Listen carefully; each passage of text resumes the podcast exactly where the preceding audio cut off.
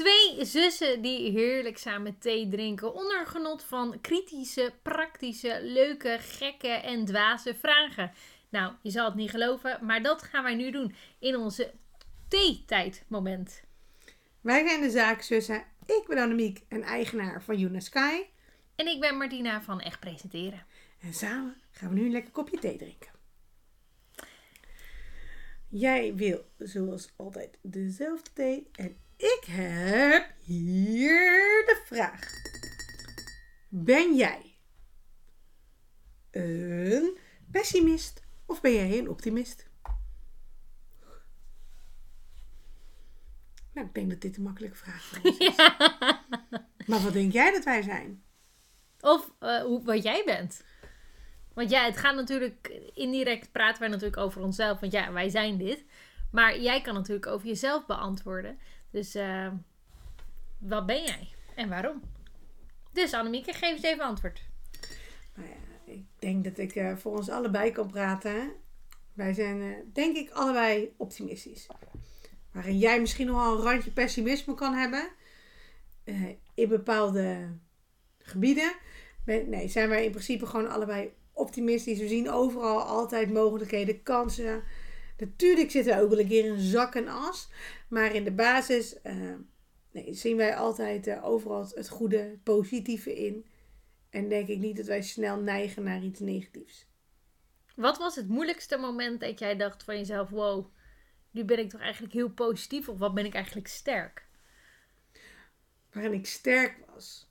Nou, ik denk dat dat een beetje voor jou een vraag naar de bekende weg zal zijn.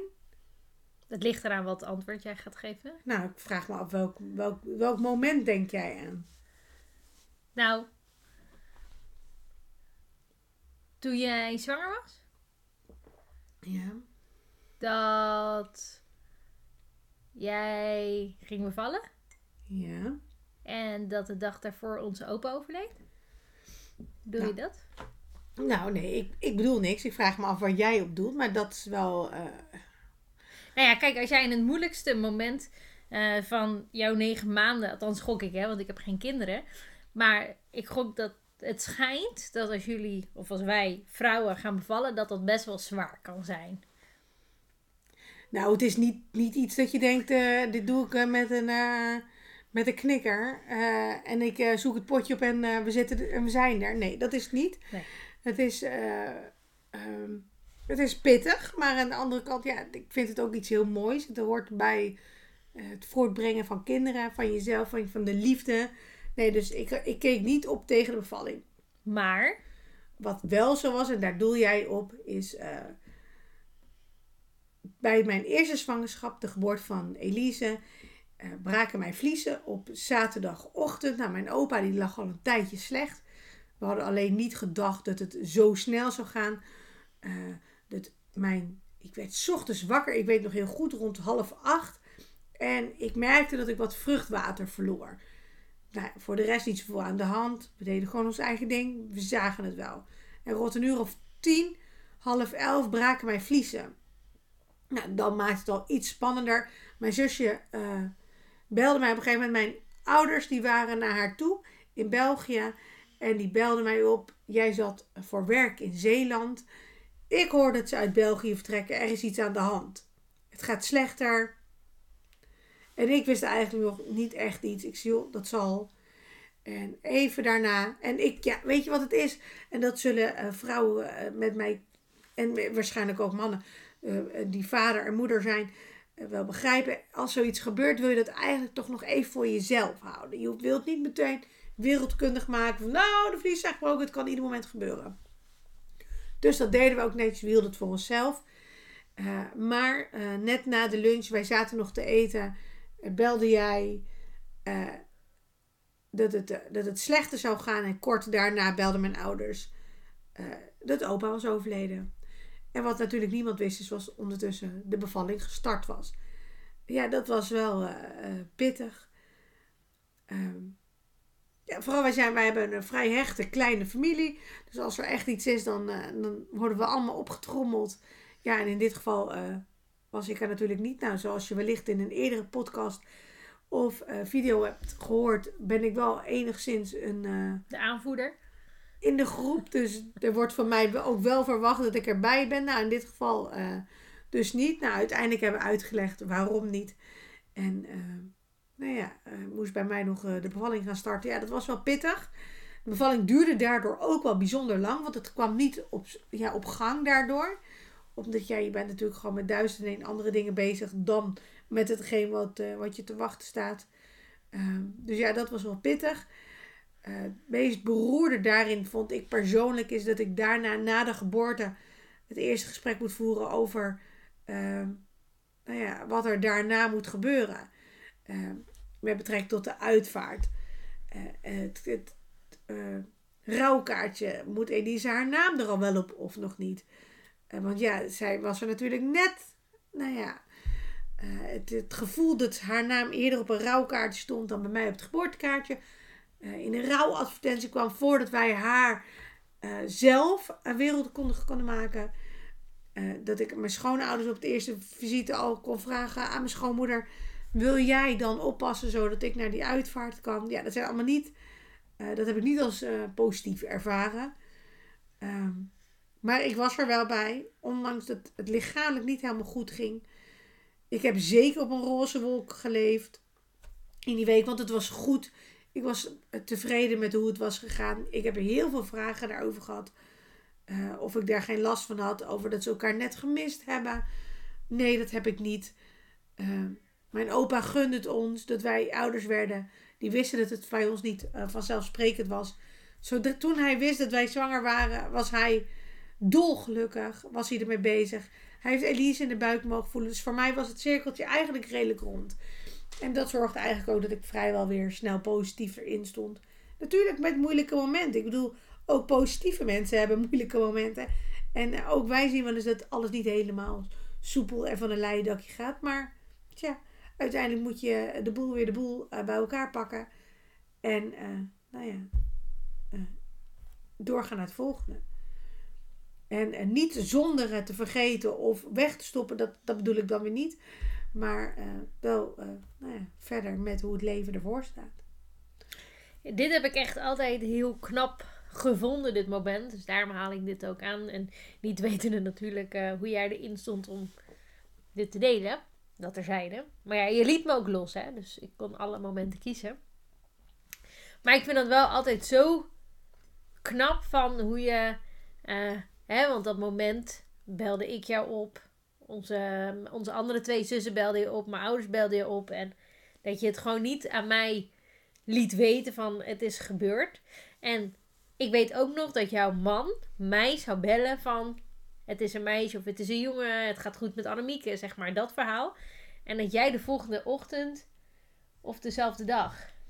Nee, want Elise is, een, is uiteindelijk de dag eh, daarna geboren. Ja, dus wel in de ochtend hè, dat jij...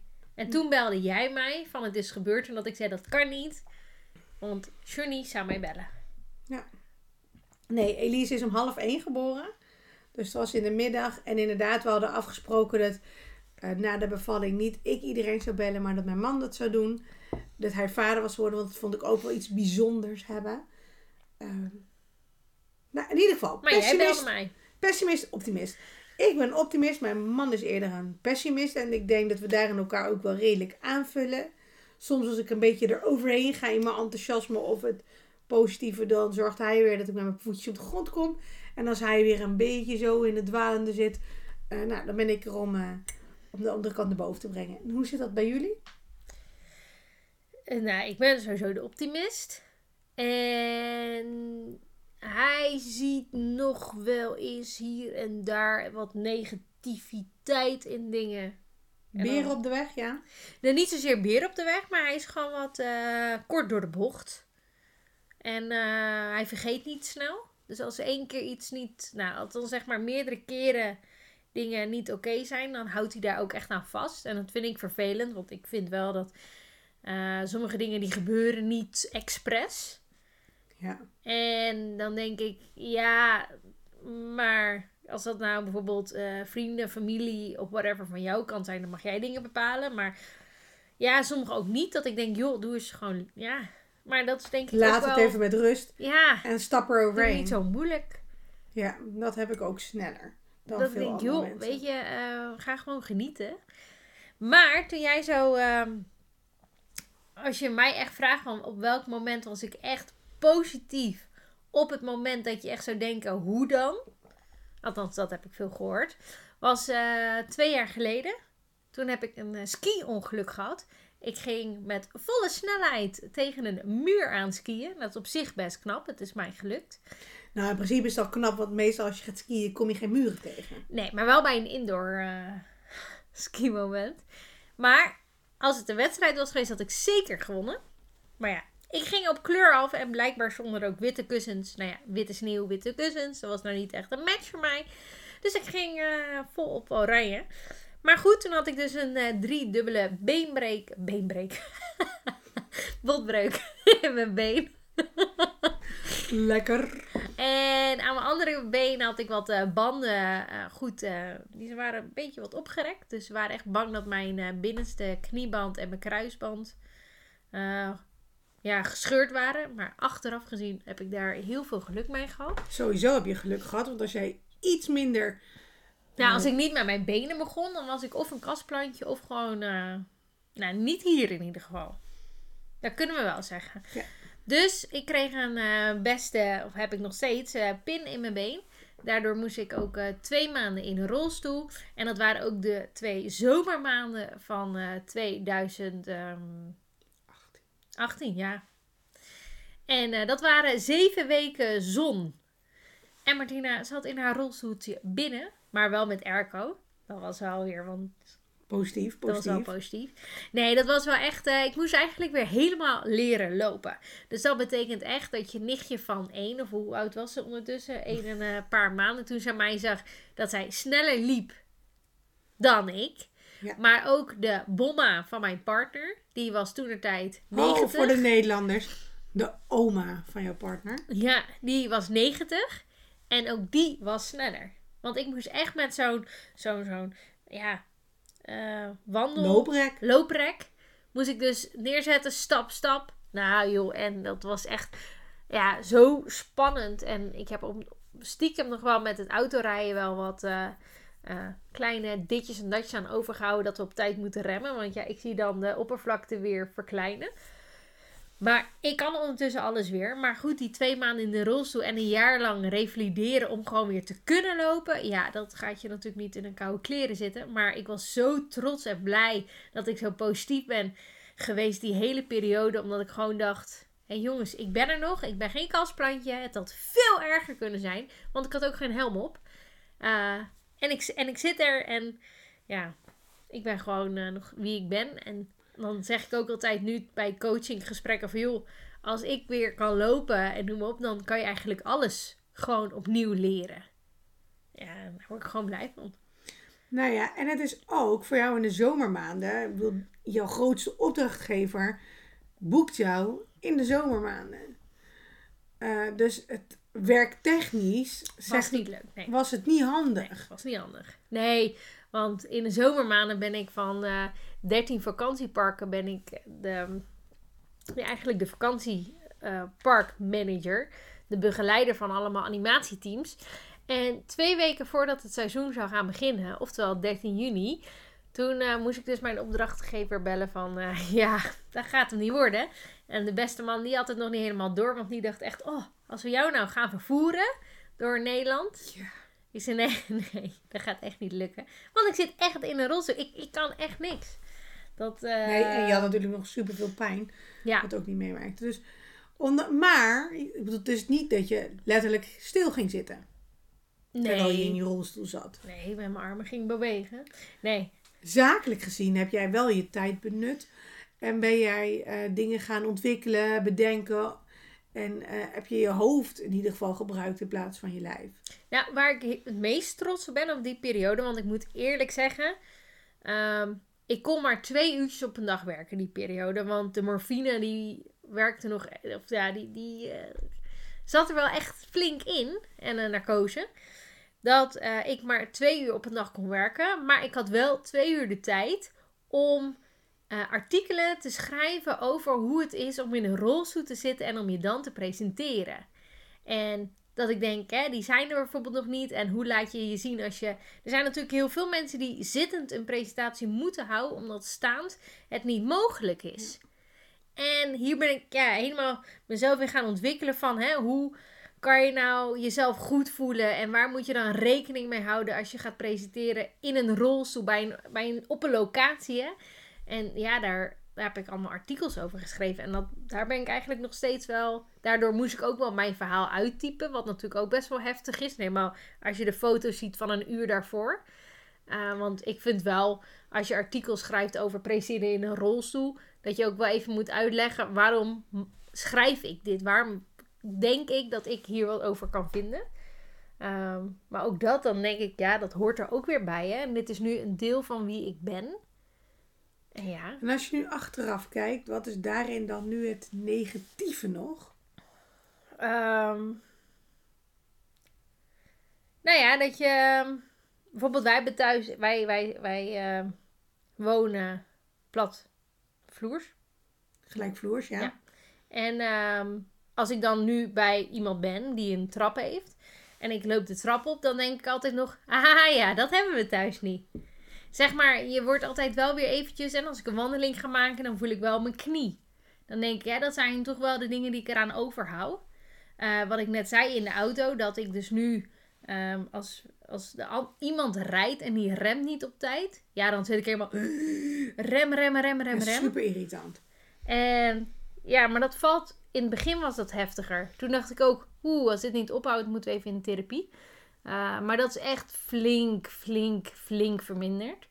Uh, en nu denk ik, iemand anders rijdt. Maar ik moet wel echt eerlijk zeggen, iemand anders weer mijn lichaam als controle geven. Hè? Want jij rijdt, maar jij hebt wel mijn lichaam bij jou. Dat vind ik nog steeds heel moeilijk. Ja, de controle. Ja. Maar um, waar ik eigenlijk op doelde is zeg maar uh, een half uur zo'n beetje voordat het gebeurde, misschien een uur, kreeg ik nog allemaal foto's van jou, berichtjes van jou over hoe geweldig je het vond. Ja. En eigenlijk was de droom natuurlijk om daar echt iets mee te gaan doen. Een keer echt nou, op skivakantie te gaan. Jawel. Een droom is dat nou niet, hè? Dat, skiën was voor mij nooit een droom, hè? Nee, maar een familie skivakantie dat zag je zeker wel. Ja, want daarvoor gingen we ook skiën. Dus die februari daarop ben ik wel mee naar Oostenrijk gegaan. Dat vind ik ook, als ik daarover nadenk, dan denk ik, nou, nee, die het jaar daarop, hè? Ja. Het jaar daarop. Dus dan was ik zeg maar zo'n uh, anderhalf jaar. Uh... Toen ging je dus echt naar de sneeuw. Ja. Maar de kans dat jij nu ooit nog op latten gaat staan, is natuurlijk 0,0. Dus uh, het idee wat we ooit hadden om als zussen met partners en onze kinderen op skivakantie te gaan. En wij samen in een klasje met de kinderen, want wij zijn natuurlijk nooit heel goed. En de mannen samen, ja, dat, dat, is, die, dat kan nog steeds. Uh, maar dat beeld is natuurlijk wel. Uh... Nee, dat gaat niet. Nee. Nou ja, in ieder geval, zo lijkt het toch dat we weer een beetje pessimistisch eindigen. Uh, dat is natuurlijk nooit niet de bedoeling. Um, maar heb jij ook zoiets heftigs meegemaakt en heb je het positieve er nou uit kunnen halen? Of uh, nou, blijven dingen dan toch nog wat langer zitten? Of zie je het eigenlijk niet zozeer het positieve erin, zoals wat wij in onze vervelende momenten er wel uit kunnen hebben halen?